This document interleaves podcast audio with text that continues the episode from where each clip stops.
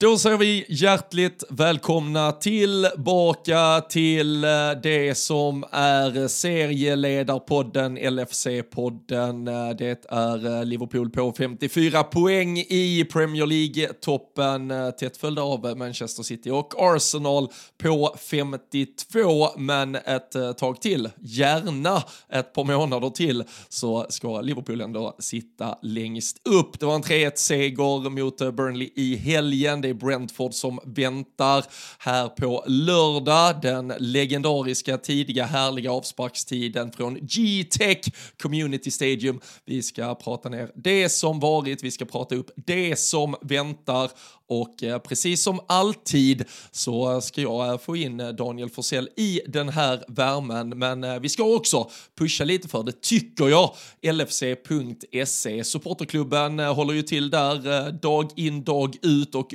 uppdaterar oss med allt vi behöver veta. Vi gör ju ett eller två stora nedslag varje vecka, men eh, ska man hänga med i liksom skadeuppdateringar, vad är det som händer, eh, hur går det för U18, hur går det för damlaget, fan allting, heltäckande rapportering kring eh, eh Liverpool så är det LFC.se som gäller. Jag tycker också man ska bli medlem i supporterklubben. Kostar ett par hundringar. Det stödjer ett jävligt bra arbete som jag tror att de flesta Liverpool-supportrar är jävligt glada glada och nöjda över att vi har. Så det är ett medskick till er så här in i eh, den vecka som nu väntar. Men eh, ni kan eh, vila lite på hanen. Ta det lugnt. Vi eh, tar allt det där efter att vi vi återigen har haft ett härligt avsnitt av LFC-podden tillsammans.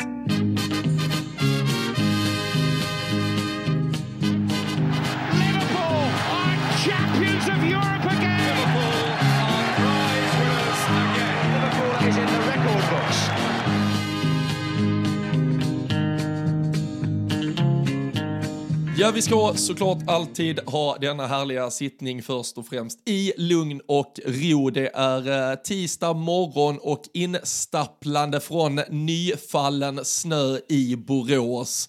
Daniel Forsell, eh, det, det var inte muntert eh, när du ringde upp mig här för en halvtimme sedan. Nej, inhalkandes får man väl eh, nästan till och med kalla det. Fasen, det, var, det, det är eh, en sån här eh, riktigt härligt. Vi, vi, har ju lite koll på vart alla sitter och lyssnar liksom via statistik och sånt. Men de flesta sitter ju i Sverige och kan ju säkert relatera till så här 10-15 centimeters ny kramsnö också. Så att man bara, det, det är så här tidsfråga om avsnittet är slut innan allt bara har konverterats till någon typ av slaskig röra eh, och man är blöt. Eh, bara man tittar på det liksom kommer man bli blöt om fötterna. Så att nej, det är just den biten är ju eh, en tråkig start på dagen. Men sen fick jag en liten påminnelse när du snackade om LFC.se här också att jag fick ett meddelande ifrån ja, men ansvarig, branschansvarig där, Pelle Enberg, om eh, att man skulle uppdatera lite kring kommande supporterträffar och sånt. Eh, jag vet ju att eh, du bland annat har, har en, den största, framförallt arrangerad nere i Skåne. Men det var rätt många faktiskt när jag var inne och kollade på LFC.se där när, när de försökte samla ihop alla korrespondenter. Så att det är ju ytterligare ett medskick till att gå in på supporterklubben och kika om man, ja, men om man inte har kunnat boka en stor träff syd till exempel så kan det ibland också finnas någon supporterträff lite närmare ja, men hemmaplan, runt knuten mitten kanske någonstans i både Norrland och, och Mellansverige och så vidare. Ja, nej, men äh, verkligen. Och, äh, ja, vi, du, får, du, du får kanske passa på ändå att äh, liksom bara brösta och, och njuta lite av det ändå horribla väder vi, vi lever i just nu. Jag fick jag såg någon push igår på, om det var på Twitter, jag fick upp den eller någonting.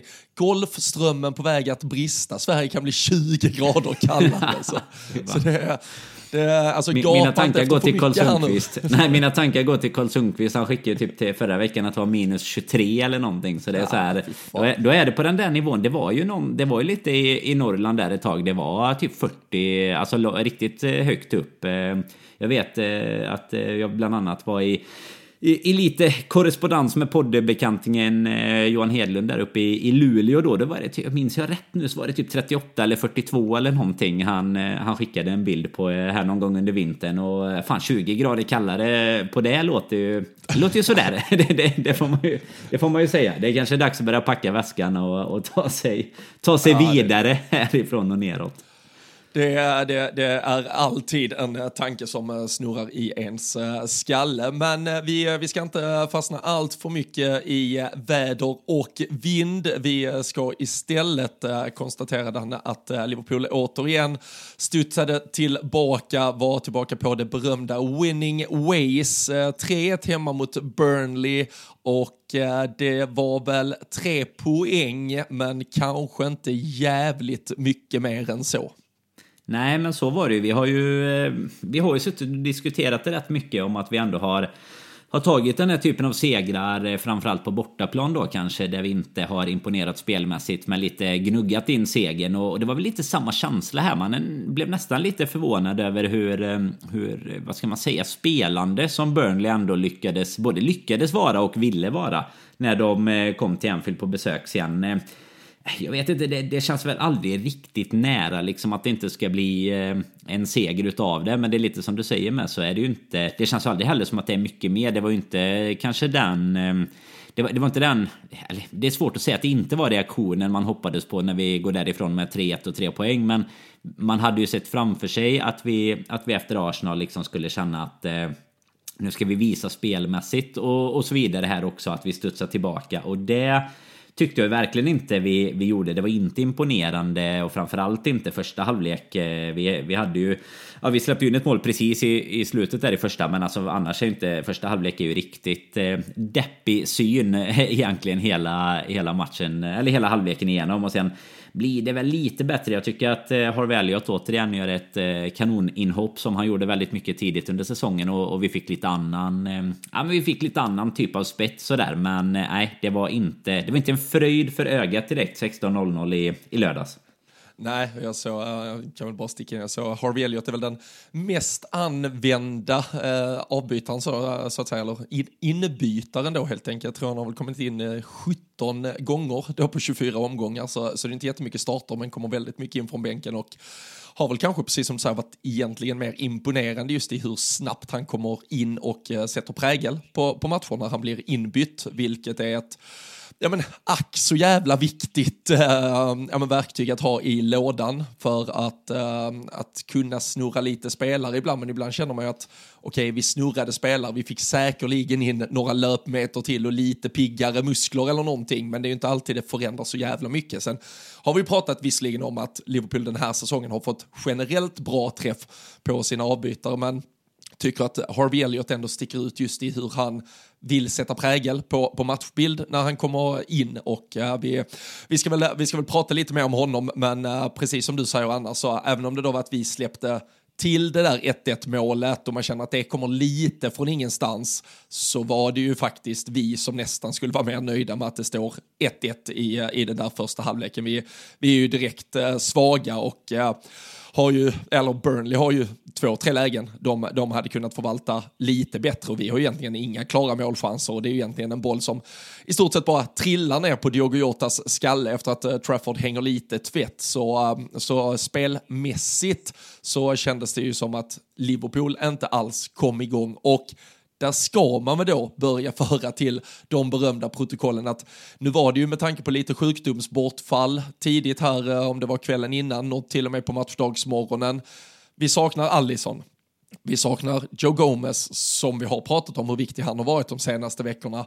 Konate avstängd. Vi vet att Trent och Robertson precis är tillbaka från långa perioder, eller förhållandevis långa perioder vid sidlinjen. Robertson såklart väldigt länge utanför det där laget. Soboslaj, mycket ryktespridning kring hur allvarlig eventuellt han är skadad, ändå kastas in i elvan, trots att han mer eller mindre kom direkt tillbaka från de asiatiska mästerskapen i Qatar. Vi, eh, vi har fortfarande inte en Mohamed Salah att tillgå för första gången också, för vi har ju faktiskt varit jävligt bra Danne på att faktiskt inte klaga så mycket på de där jävla skadorna. Vi har hanterat det extremt bra, men vi kanske också måste inse att någon gång då och då så blir det lite jobbigt med all den här rotationen och med så pass många ändå profilerade spelare som antingen inte kommer till spel eller som uppenbarligen inte är på 100% och om i så fall en dålig dag med en lite skadeskjuten trupp ändå innebär att vi till slut tar en ganska komfortabel 3-1-seger mot Burnley så visar det väl någonstans på styrka om vi vill se ett halvfullt glas här. Ja, men så är det ju. Det är ju en, eh, som du säger, det blir ju ryckigt i kontinuiteten för, för spelarna också att eh, behöva ja, men förändra och spela. Alltså det, det, blir ju ändå så att du, även om vi spelar med samma matchplan på något sätt, så blir det ju att spelar du bredvid en spelare, eller en ny spelare varje match, så är det klart att det kommer att, påverka och det kommer att forma och det blir liksom hur dynamiken mellan både försvar och mittfält och, och mittfält och våran fronttrio påverkas. Det är eh, klart att när man tittar, för jag, jag, tycker ändå så här, när man fick reda på att vi hade lite eh, sjukdom och influensa eller vad det var där i, i truppen så om man sen fick startelvan så kände man ju ändå så här, ja men fan det här kom vi ändå undan ganska bra med liksom. Det var inte så mycket stora, alltså några så här jättebortfall, men där är det ju också i tillägg till det som du säger, det var just de, det var ju Allison framförallt då som var den som eh, som stack ut. Men sen då när man också tittar på vilka som liksom är skadade i övrigt, vilka som har varit borta och sådär, så, så har vi ju nästan en elva till, eh, en, en bra elva liksom till att tillgå egentligen. Och det, det talar ju egentligen bara om en bra bredd. Sen har vi ju absolut som du är inne på både i första halvlek och i, i andra halvlek också är det väl Fofana tror jag som har två riktigt bra lägen eh, och kommer igenom. Så det är ju absolut någonting som under matchen inte, inte stämmer. Men det är ju, alltså det är ju en styrka att kunna att kunna ändå ta med sig en 3 även om det ser knackigt ut med, eh, med tanke på både den situationen med, med spelarna men sen också såklart att man kan ta de segrarna och ha den den winning streaken med sig i efterhand. Alltså jag menar, detta är ju en sån match som man... Eh, vi, vi pratar ju antagligen om den för sista gången idag. Liksom. Detta kommer vara en sån match som... Det, det, var jobbet som skulle göras och det var jobbet som gjordes. Det var inte det vackraste jobbet. Men det, det är liksom så här, tre poäng in på kontot och så kan vi gå vidare och titta mot, mot Brentford och kommande, kommande uppdrag. Liksom. Och det är väl lite så det känns. Sen kommer ju det, det man kan bli lite... Ska, ska jag vara den som kollar på det lite halvtomma nu istället då så kan man ju bli lite orolig för om det faktiskt kommer att kunna fortsätta så i alla matcher. Nu åker vi som sagt, alltså nu var det ändå så här Burnley hemma. Nu åker vi till Brentford borta och är ju alltid vi har haft lite tuffare med bortaspelet. Är det samma problem i en sån här match och det är en Ivan Tony istället för en Fofana till exempel så kommer jag vara mer orolig eh, om vi släpper till de lägena mot Keller liksom. Så eh, men eh, nej, riktigt så långt ska vi inte ta den. Det kanske blir eh, ser annorlunda ut till helgen, men eh, vi hoppas väl i alla fall att, eh, att Allison är tillbaka till att börja med. Sen eh, har man ju inte riktigt fått reda på om det bara var den här sjukdomen då eller om det kan vara något annat eller sådär. Men, men det lär väl, eh, ja, Nej, det, det var... kommer ju visa sig här.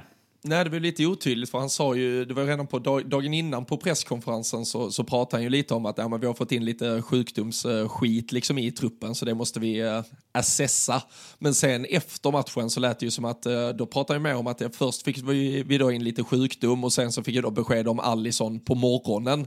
Ja, så då, alltså det var lite otydligt om han också hade insjuknat eller om det var något annat skit med, med Allison. Det, det lär väl, och jag, jag nämnde ju att LFC.se bör vara stående startsida för, för alla Liverpool-supportrar. Det, är väl, det är väl där man kan eh, ta, ta del av den informationen under veckan. Men, eh, men precis som du säger, så här, nu, man ska absolut inte hänga. Det, det, var, det var någon som, eller jag, jag, jag, det var med lite skämtsamt för det var någon som tyckte det var billigt att vi gav, gav bort en hörna, att han fick stå lite omarkerad och sådär. Och så, ja, men Kelle här tar, tar ändå aldrig något sånt. Jag har ju haft en ganska syrlig och raljant ton mot honom. Men det, jag, jag har ju så, så här, Allison hade nog inte tagit den ändå, men det är alltså så mycket chanser som vi släpper till. Nu är det som sagt, det är också två ytterbackar precis tillbaka från skada. Det är en Konate som inte kommer till spel på grund av avstängning. Det är mycket förändringar i den där mm. defensiva enheten, så det går inte att kanske peka på en individ, men vi vet ju bara att liksom, vi behöver inte ens titta på olika resultat och utfall. Vi vet ju bara hur mycket bättre Liverpool är om Alisson Becker står i det där målet. Ja, och så är det ju. Det är ju inte bara i... Alltså jag, jag är väl också inne på det spåret du säger. Jag tror kanske inte att han hade tagit just den nicken om man säger så. Men det är ju allt med spelet med fötterna och du har liksom tryggheten bakom backlinjen och sen har du ju samspelet. Det var lite det jag menade innan när, när man pratar ja. om liksom när du byter spelare hela tiden. Alltså just du har samspelet mellan Konate, van Dijk, Allison till exempel. Det funkar på ett helt annat sätt oavsett om det är Kwanza som kommer in och sådär. Men jag tycker ofta man har kunnat se det även om det är bra, alltså även om ersättarna har gjort det bra så kan man i efterhand titta på typ en sån här match så, så hade vi ju med lite oflyt liksom lika väl kunnat tappa poäng eller till och med tappa alla poäng. Och då, då hade det ju blottats mycket mer. Nu blir det ju mer så här, okej okay, de kom in och gjorde jobbet men det blir ju mycket tack vare att vi, ja, att vi lyckas få in de målen som eh, till stor del kommer tack vare Harvey Elliots eh, inhopp och, och hans fötter sen. Det är ju två assist där till mm. honom. Sen, sen är det lite kvar att göra, framförallt kanske för, för Darwins nick där är ju riktigt bra. Men... Eh, Luis Diaz kunde inte göra mer än att fläka in sin kropp och hoppas på att den träffar honom någonstans. Få den i skallen, exakt. Det är väl lite så. Det, det är ju det, kontinuiteten där. Och det är såklart att det är väl det man blir lite orolig för framåt då. Att kommer liksom det kosta i vissa matcher? För det är ju lag bakom oss som eh, inte slår av på takten precis heller. Men eh, samtidigt är ju det, det är väl jävligt kul att sitta i februari och inse att vi har ett, eh, ett kommande titelrace som vi eh, nog båda och som alltid tror är mot City liksom. Men det, det är ju, det ligger ju något lite charmigt i att det skulle kunna vara fler lag inblandade också. Även om vi gärna hade kunnat rycka ifrån så länge ingen annan eh, gör det. Ja, och jag, jag, jag, tror också det. Det jag, det jag har börjat reflektera lite av kring den här ehm, alltså backlinjen också. Och, och så, det, det, det, är också en jävligt o... Och så här, jag, kan, jag kan inte göra någon... Jag kan inte göra något bokslut eller eh, resultatrapportering på, på det än så länge. Men det är ju en jävligt udda situation tror jag för både Trent och Robertson att komma tillbaka. Alltså hade de varit out i en månad som i Trents fall tre, fyra månader i, som i Robertsons fall. Alla andra gånger under all deras tid i Liverpool så hade fans stått och bara så här, alltså, spela honom fast att han har ett brutet ben, alltså in med honom, vi ja. måste ha, utan de här så, så kan vi inte spela. Nu har Liverpool varit jävligt bra utan de här två. Liverpool har varit jävligt bra både defensivt och offensivt utan de här två. Nu ska de in och har fan inget att vinna på att komma tillbaka in i laget. Alltså det är ju lite som samma med Mohammed. Alltså så här, det är lättare att vara en offensiv spelare för då kan man trots allt säga att du kan komma in en halvtimme, sen kan du komma en timme och sen så snurrar vi in dig lite mer. Men just att vara försvarsspelare och egentligen så given och självskriven ordinarie spelare, men egentligen inte särskilt saknad nu när du har varit utanför elvan. Jag, jag, jag är lite rädd att det ändå kan skapa någon obalans i den där, om vi säger den defensiva enheten. Att, alltså Robertson, han ska ju spela nu, men du kan ju argumentera för att Joe Gomez har varit vår bästa vänsterback den här säsongen. Du skulle kunna argumentera för att Costa Simikas har varit vår näst bästa vänsterback. Du skulle helt enkelt kunna argumentera för att Andy Robertson har varit vår tredje bästa vänsterback den här säsongen. Men ändå så är det någonstans underförstått att han ska spela nu. Och det är ju, nu gav sig saker sig självt på grund av allt jävla tragiskt som omgärdade Conor Bradley. Men det var ju lite samma diskussion där. Nu får vi se status på Trent framåt. Men men just att spelare tvingas in när du faktiskt kan titta på prestationer och säga att det borde inte vara så jävla självklart, så tror jag de är inte dumma i huvudet. De ser ju det här själv och då ska de typ överkompensera för att de ska visa att de förtjänar de här platserna. Det blir, det blir en onödig liten obalans i, eh, i det där försvarsspelet, eh, tänker som, som förhoppningsvis kommer ge sig själv, det kommer landa i något bra, men jag, eh, så, jag, det har grubblat mig lite och eh, skapat lite tankar kring för det är en ovan situation att så ordinarie spelare såklart ska in i elvan men du fortfarande kan argumentera för att de inte borde vara i elvan.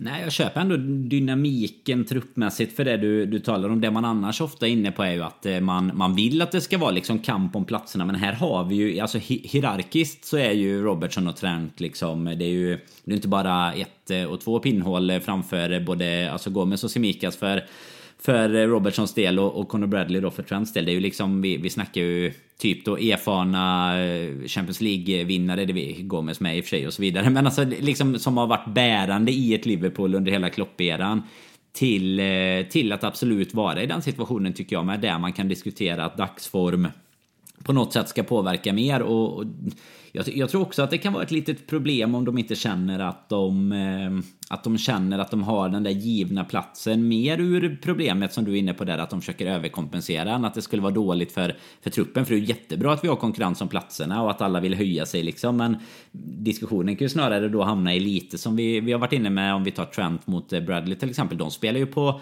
de spelar ju på två ganska olika sätt just nu när Trent vill köra det här eh, inverterade och man märker att han tar till sig mycket av mittfältsrollen. Han kanske inte pushar på riktigt samma sätt som vi både såg Robertson göra till viss del nu men även de andra brukar göra liksom. Så att eh, det blir, eh, det blir faktiskt jävligt intressant att följa framåt. Gomes var ju annars den enda vi fick eh, lite på förhand så här att det sipprade ut att det var han, minst han i alla fall då, som var borta på grund av lite sjukdom. Så som du sa så, så kunde ju pusslet liksom lägga sig själv. Vi fick in en Semikas, det var väl var det sista typ minuten eller någonting bara väl. Och då har vi ändå honom tillbaka från skada kan vi ju kan vi liksom veta då. Han sitter ju liksom eh, Ja, men ändå ganska, ganska nära det. Han gjorde ju det bra liksom innan han försvann och Gomes fick ta den platsen. Så att eh, nej, kommer bli, kommer bli jäkligt intressant att se om det verkligen blir så givet för eh, Trent och Robertson. Vilket, som vi är inne på här lite, vilket det ju borde vara, vilket man räknar med. Men eh, som jag inte tror att varken eh, kanske nästan de själva eller någon supporter känner. Alltså det, det är så här i, i, alla andra lägen så hade man ju tyckt att allt var... Vi säger att alla är friska nu till på, på lördag 13.30 så hade man ju tyckt i alla andra lägen hade man tyckt det var helt sjukt och hjärndött om någon hade sagt till en att Gomes eller Simika skulle starta. Men skulle det stå Joe Gomes och han är tillbaka och frisk och allt på, på vänsterbacken på lördag så hade jag ju knappt lyft på, på ögonbrynen liksom att Robertson Nej. sitter på bänken istället. Men 9 eller 99 andra matcher av 100 så hade jag ju definitivt gjort det. Men nu har ju han verkligen spelat sig till den platsen också. Inte lite som, det var väl förra veckan eller förra, förra vi snackade om det. Det här med att det, det är svårt att liksom ta bort någon eh, som, eh, om det inte nu sker på grund av rimliga anledningar som det ju som sagt har gjort eh, det här pusslandet. Men annars är det svårt att ta bort någon som har, har i liksom sitt livsform och spelar riktigt bra och bara säga nej nu, nu får inte du chansen längre. För de är ändå på den nivån. Det är ju inte, det är inte så här eh, kidsen som kommer upp bara utan det, de är ju ändå på den nivån. Framförallt en Joe Gomez som har spelat liksom, han är ju fan en av de som har varit längst i i Liverpool nu spelat mest matcher i, i A-laget. Alltså han, även om han är, är, relativt ung i jämförelse med vissa så är det fortfarande så här. Han är ju inte där för att vara någon maskot på träningen heller liksom. Nej, no, det är ju, alltså det, det är ju smått uh, bisarrt uh, att vi landar i en situation, för vi satt ju inför Arsenal-matchen där där det ju, eh, då var vi ju så pass nära att vi, det var ju prat om i alla fall att Trent och Robertson var, de var fit for fight igen och eh, det var liksom direkt konkurrenssituation. Samtidigt kom vi då från en period, framförallt med den där Chelsea-matchen i, eh, i veckan innan där, där, där både Joe Gomez och framförallt Conor Bradley hade varit så jävla exceptionella.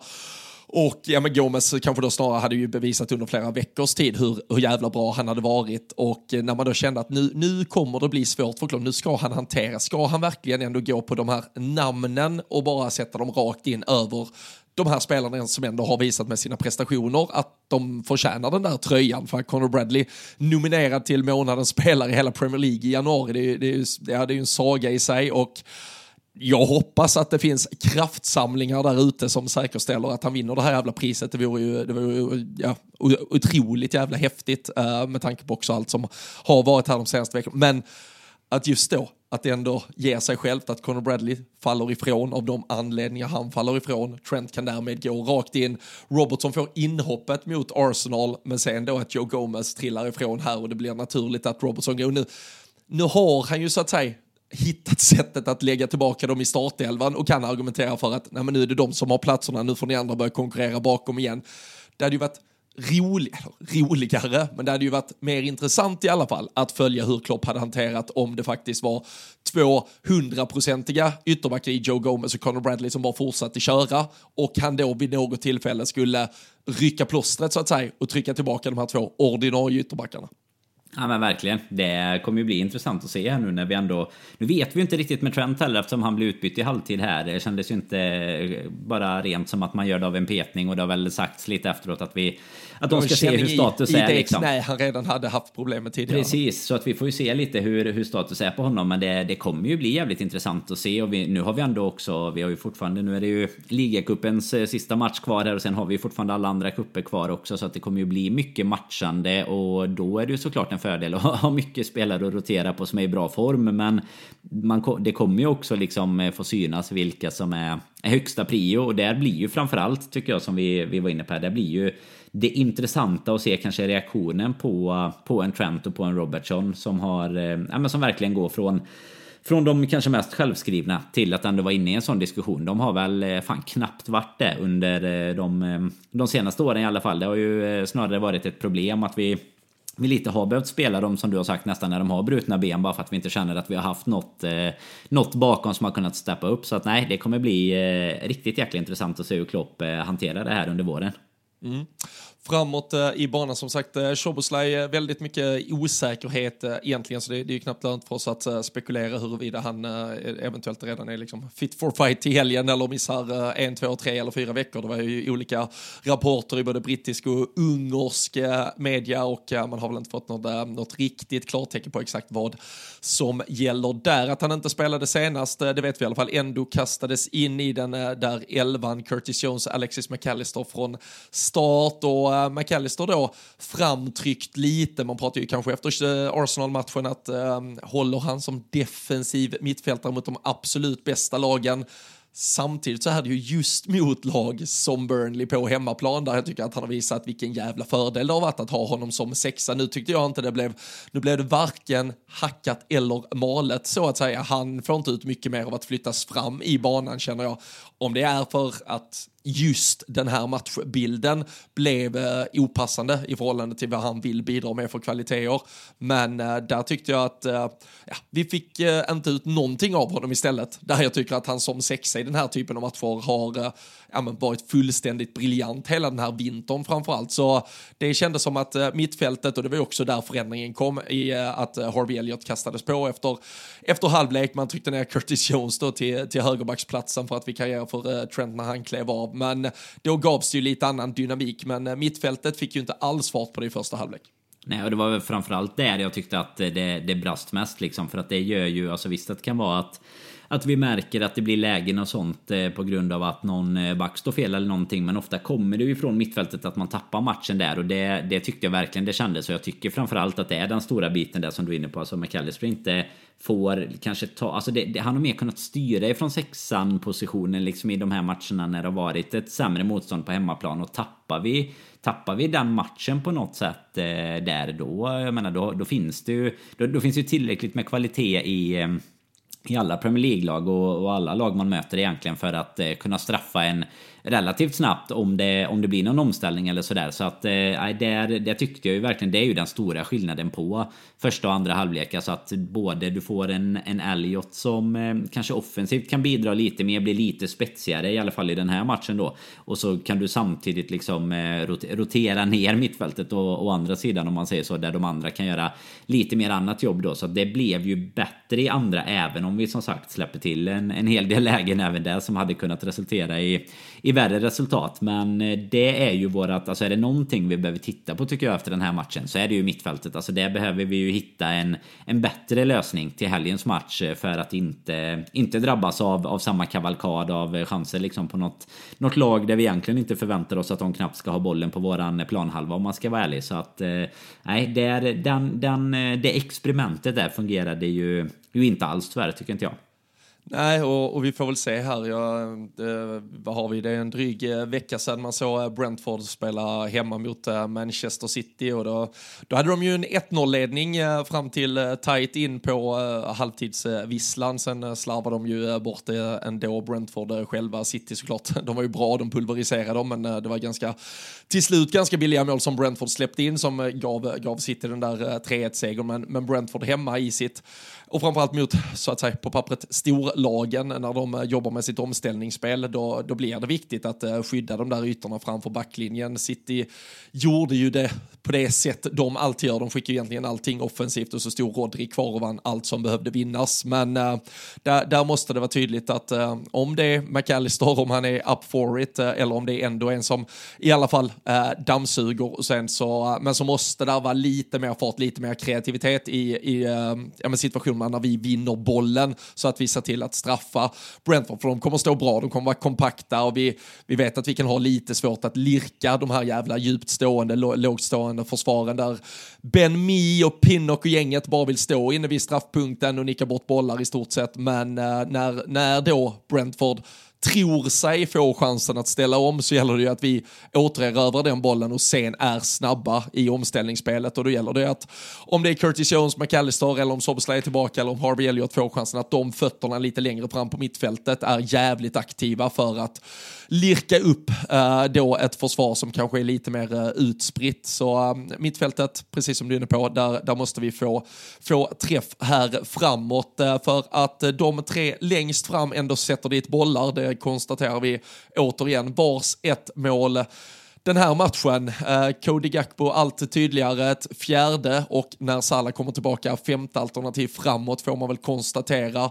Nu dömde ju Klopp inte ut Salas medverkan framåt. Han, eh, han var väl inne på att det nog skulle kunna vara lite mer uh, fotbollsträning den här veckan. Han sa väl att om vi frågar Mohamed Salah då är han redo att spela redan. Han har väl en stor tro på sin uh, kropp och uh, man har ju sett honom. Det är, det är dagspass ute på träningscentret och sen kommer kvällspassen utifrån egna gymmet på hemmaplan. Han, han gillar att visa upp den, att han förbereder sig fysiskt för en comeback och vi eh, önskar väl såklart få se honom eh, på planen snart. Men, eh, men offensiven fortsätter leverera mål i alla fall. Det, det, måste, det är ju, oavsett då hur man prestationsmässigt presterar så att säga, så, så är det ju de där målen som, som avgör i slutändan och, och där har vi god form på de flesta fronter.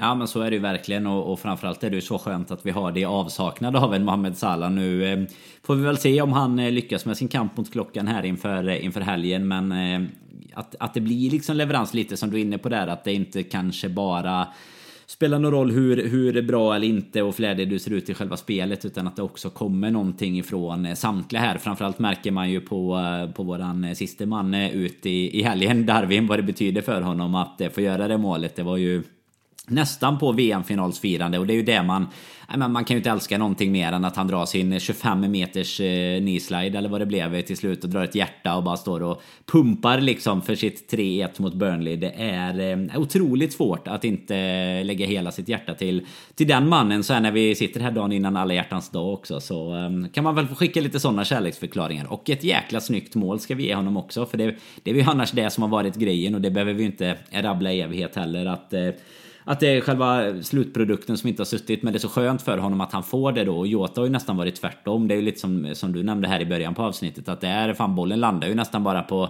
på skallen på honom efter någon hörna där och så blir det mål. Och, och Diaz var ju snarare bara ett... Eh, det, det forcerade han in och det kändes ju lite... Det, det, känns lite som att det annars kanske är Diaz som, eh, som också kan ligga så här lite risigt eh, till, tycker jag i alla fall, sett till startplatsen. Om nu Salah skulle vara redo, för han här är det väl så, eh, till skillnad mot platserna bakom Robertson, Trent och sådär. Här eh, tycker jag inte, trots till eh, mål och allt vad som har hänt under tiden, att att det finns några frågetecken om att är Salah redo så då ska Salah in liksom. Och då är det någon som ska flytta på sig. Och i min bok skulle det varit Diaz i detta läge tror jag. Och så skickar vi Jota på, på andra kanten med tanke på den formen han har hållit under tiden. Och där blir ju Gakpo som du säger snarare ett ett femte val, ett alternativ att laborera med om det skulle behövas. Men eh, det är ju, det är ju jäkligt skönt att vi har kunnat konstatera att det inte blev eh, värre liksom under, alltså både nu pratade vi mycket innan om mittfältare och backar som var borta, men liksom Salah har ju ändå varit vår stora poängmagnet och att eh, alla egentligen där fram i liksom olika omgångar här under tiden. Här har ju även Gakpo bidragit ska ju sägas. Så att jag menar det är ju alla har ju bidragit med sitt under tiden han har varit borta och nu blev det ju lite förlängt här också. Nu åkte ju Egypten ut ganska tidigt men, men i och med att han skadade sig så blev det ju lite längre än väntat här ändå. Men förhoppningsvis är han tillbaka. Att vi, vi kan låtsas att han åkte ner och tog en guldmedalj och så blev det ungefär samma uppehåll i alla fall. Ja, lite surt att han, jag satt exakt och tänkte på det, han missar alltså lika mycket som man hade räknat i det där worst case eh, scenariot, att de går hela vägen och vinner skiten. Med då bara lilla undantaget att de absolut inte vann hela skiten och istället så, så ses han som typ landsförrädare på köpet. Så det, ja, det, det, det är klart att det blev lite, lite deppigt uh, summerande när vi, när vi blickar tillbaka på årets uh, Afcon. Men uh, om man bara om vi lägger uh, lite det truppmässiga pusslet framåt här. vi, vi är inne på det och alla har uppenbarligen då koll på att det är Brentford hemma eller borta lördag tidig avsparkstid 13 13.30. Det väntar då Midweek-fotboll hemma mot Luton, för den rycker vi ju då från nästa helg med tanke på att där spelar vi istället ligacupfinal mot Chelsea. Ett eh, Chelsea som har vaknat till liv, dubbla mm. 3-1 på bortaplan, först mot Villa i FA-cupomspelet, nu här igår kväll mot Crystal Palace, även om det krävdes några 90 minuters avgöranden och och möter ju dessutom City. Det är väl egentligen det man får fokusera på först och främst, att Chelsea är i någon form av, jag ska inte kalla det toppslag, men de är i alla fall på eh, en eh, plats där de har börjat vinna lite fotbollsmatcher och mår lite bättre som fotbollsklubb. Nu eh, möter de City på eh, bortaplan visserligen på, på lördag kväll 18.30, men eh, kan man ju hoppas att de sprattlar till och ställer till det, för vi behöver ju poängtapp på både City och Arsenal antagligen om vi ska kunna andas lite där framme. Men med tanke på det schemat som väntar nästa vecka, är det inte ganska givet att tro att, eh, nu, nu, är det ju kanske då spelare som fysiskt inte är eh, hundraprocentiga och av den anledningen inte kommer till spel, men att nio elftedelar av vad man sen också förväntar sig vara någon form av finalelva nästa helg ändå spelar mot Brentford. Att det är hemma mot Luton man gör två, tre, fyra förändringar beroende på vad man ser att spelarna fysiskt eh, klarar av och sen då tillbaka med full styrka mot Chelsea där där jag tänker så nu vet vi inte med en Soboslaj, man vet inte exakt med en Trent, men där typ då Trent, Soboslaj och Salah är väl de man kanske försiktigt utnyttjar om det går någonting av de två första matcherna för att de ska vara helt redo till finalen, men att man i övrigt sätter ut det så att säga, starkaste vi har på lördag för att sen då kanske slussa in en, ja men en Cody Gakpo kanske får en start mot Luton, en Gerald Kwanza kanske får en start mot Luton. Att det är där vi gör de här två, tre förändringarna för att vila spelare som ska vara i toppslag till eh, finalen. Ja, jag håller med till, till 100%. Tycker också att det är två lite olika förväntade matchbilder i alla fall. Jag menar inte så att Luton kanske kommer komma och och, och liksom försöka gå all out attack mot oss på, på Anfield heller. Men det är ändå lite som vi var inne på nu mot Burnley, en match där vi, där vi ändå förväntar oss att vi kommer ha mycket boll, vi kommer vara spelförande. Luton har ju inte skämt bort sig själva med att hålla en, en massa nollor i alla fall under säsongen. De går väl i alla fall att räkna på, på ett par fingrar liksom. Så att där känner jag att där kommer vi försöka att trycka på. Där kan vi ju då också taktiskt. Alltså jag tycker till exempel när vi pratar mittfältet att, eh, att ändå ska spela sexa tycker jag inte är något frågetecken inför Brentford-matchen. Eh, ha en, en spelare som ändå kan skydda backlinjen på ett annat sätt. Men där hade jag kunnat tänka mig att man kan, eh, kan liksom skicka runt det lite mot Luton om det skulle vara så att man behöver matcha olika minuter och du kan typ ha en Harvey Elliot som, eh, som är lite spetsigare mittfältare av de eh, tre och sådär. Så att det finns ju med tanke på vilka, eller lite då eh, på grund av vilka som kommer vara, vara tillgängliga och inte så finns det ju ändå några tycker jag ganska självklara rotationer att göra och sen vill vi ju såklart ha som du är inne på där ungefär samma lag kanske som vi förväntar oss mot Brentford kommer vi vilja ha mot mot Chelsea i finalen sen också när vi, när vi liksom kommer gå för allt det starkaste och det är väl det, alltså också Luton känns ju på förhand i och med att det är både att det är hemma och att det är Luton som det är. Det är ju den enda chansen av de här tre som vi har att, eh, att unna oss någon typ av rotation. Nu är det ju som, som vi var inne på här, vi, vi snackade om det innan på uh, Community Stadium där, där om, om den heter Brentford som jag trodde förr, men jag fick, såg också det här du snackade om innan, vad var det? G-Tech eller något? De har lagt till, sig, lagt till ett litet sponsornamn ah, ja, där också. Ja. Ska de ha lite tid i LFC-podden också, så fick de lite extra cash där på något, något sätt säkert. Någon som gick in och kollade vad det är. Sen. Det är ja, marketing without asking any questions first. exakt så. Nej, men den, det är ju en tuff, det är liksom ändå en tuff bortamatch att ta sig till. De vann ju nu senast väl helgen med mot Wolverhampton Wolverhampton ja. också ganska starkt. De spelar ju, tycker jag också, som du var inne på det, de förlorar ju mot City och det är klart att City egentligen, alltså statistiskt och sådär pulveriserar ju dem, men spelar ju ändå bra till sett till vad man kan vänta sig att de kan göra i en sån matchbild. Så att det är ju ett svårt lag. Vi har väl inte heller slått dem eh, borta om jag minns rätt nu, de eh, sista här. Utan det är väl på hemmaplan vi har haft det ganska enkelt eh, mot dem. Och så är det väl det Vi förlorar ju med tre. Det var ju en, eh, ett av de där liksom borta resultaten där under ett januari, februari förra året när vi var hädiska. Det var väl Oxlade som petade in ett tröstmål. Vi förlorade med 3-1. Det var någon som gick in och tog, var någon som gick in och tog ett rött kort eller drog på sig någon straff eller någonting. Ja, vi har, vi har varit hädiska i alla fall. Så ja, för innan det är det den 3-3. Ja, det är ju den 3-3 matchen med ja. Ja, någon jävla LFC-podd, eh, eller vad säger jag, eh, storträff där vi hade den där 3-3. Ja, så vi, nej, så det, alltså det, det krävs ju att vi går det. Och sen, alltså fan, det, det, där, alltså, låt oss inte få situationer mellan Darwin Nunes och Neil Mopé i alla fall, för då kommer någon dö. Alltså det är, usch. Det, håll ja, ja, exakt, håll dem långt ifrån varandra. Alltså han är uppe, han tar ju, och alltså så här, jag, jag, älskar Darwin för allt, jag älskar honom. Men nu är han uppe på sju gula kort det är trots allt, alltså tio gula så är det ju två matchers avstängning. Det finns ju inte, inte något så här, någon bortre gräns på det. Det är ju en, det är en fem gula kortsgräns, årsskiftet brukar ju den vara på, men sen är ju nästa tio och då, då ryker du ju två matcher håller han det här tempot just nu så kommer det ju komma olägligt och det kan liksom komma om en månad City hemma, du vet, och så är, så är han avstängd. Ja, någon måste ändå ta det lilla snacket med honom att, eh, alltså så här, ett gult för att du går in hårt i en närkamp, fine, du, du ska spela ditt sätt att spela fotboll, men sparka inte bort bollen när vi leder med 3-1. Alltså det, det, det, det kan vi inte behöva offra dig i två matcher för att du vill göra och inte kan kontrollera din skalle. Känns också som att det är ganska många sådana nu. Alltså det, jag hade ju typ gissat att det var sju sådana och det är det ju uppenbarligen inte för han har ju fått lite för något annat med. Men alltså nu, nu killgissar jag bara så är ju i alla fall typ fyra av dem för att han har dragit iväg bollen eller gjort någon ja, typ ja, av motsvarande aktion. Alltså det behöver inte vara just dra iväg bollen men du vet såhär klagat, eh, gjort, eh, ja vad de nu, jag vet inte vad, vad regelboken säger att det är men du vet något typ av utfall efter Dissent. ett... Eh, ja, men det var exakt. det här som skulle bland annat ge det blåa kortet som, eh, det kom, såg och, och förlorade och, ja, och det gick fort. det, ja, det, gick fort. Lite ungefär det blåa kortet eller Thiagos comeback. Jag vet inte vad som varade längst. Men alltså det blåa, vi kan ju säga så här, det blåa kortet hade ju inte varit bra för Darwin heller. Alltså det, in, det är mycket 10 minuter som hade fått spenderat. 80 av 90 minuter i uh, det lilla utvisningsbåset. Ja, ah, fy fan. Det hade varit uh, sorgligt att se. Det hade ju, eh, man, man, hade ju, det hade varit lite show uh, ändå, men det, det hade varit riktigt illa att se på en fotbollsplan tycker jag. Sen, men det är ju också där, alltså, som du är inne på, alltså, han kommer ju komma upp i 10 under säsongen. Det känns ju som om han... Eh, om inte han kan tygla då, då känns det ju så jäkla onödigt att det är på grund av sådana här grejer. Och framförallt i...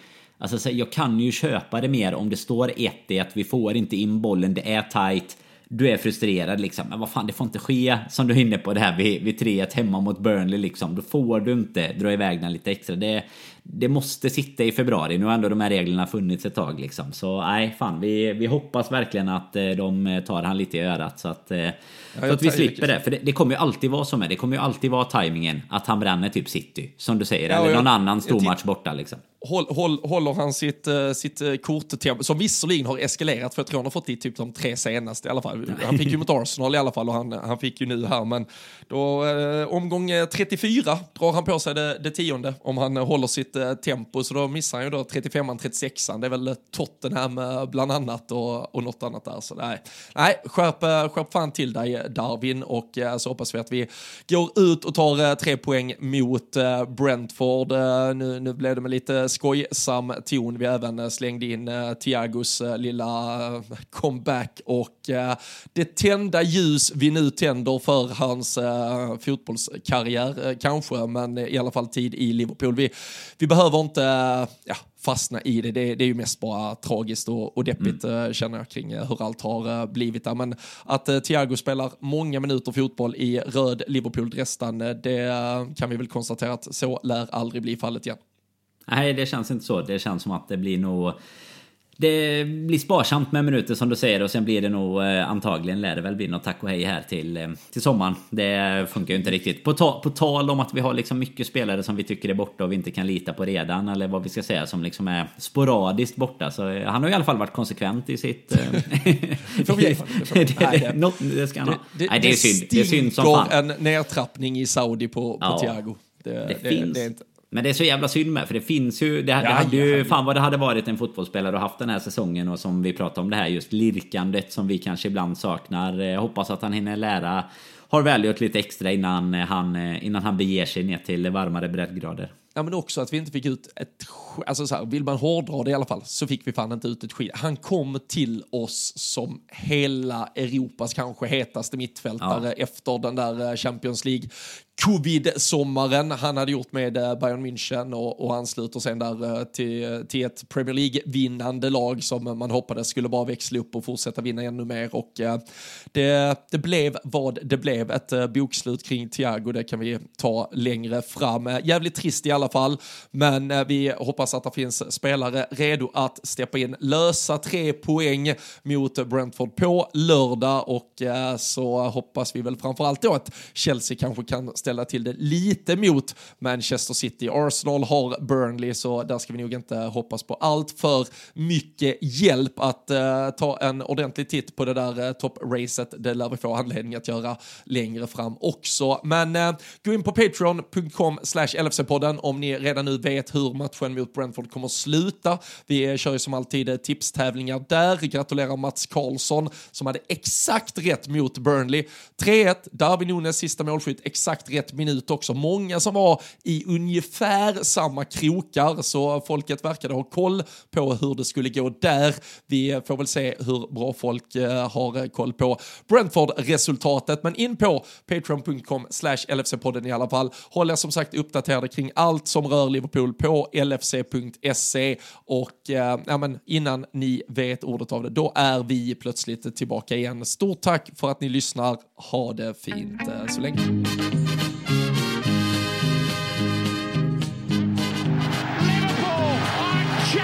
Of Europe